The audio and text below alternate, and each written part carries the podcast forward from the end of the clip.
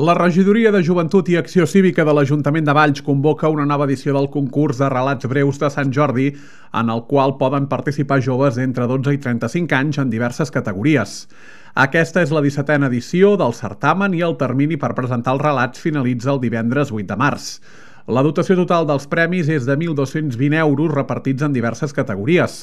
El concurs compta amb la col·laboració de les llibreries ballenques Atzarà, Tram i Roca, que donen nom als premis i aporten un xec regal de 30 euros per a les quatre persones guanyadores del grup A Estudiants d'ESO.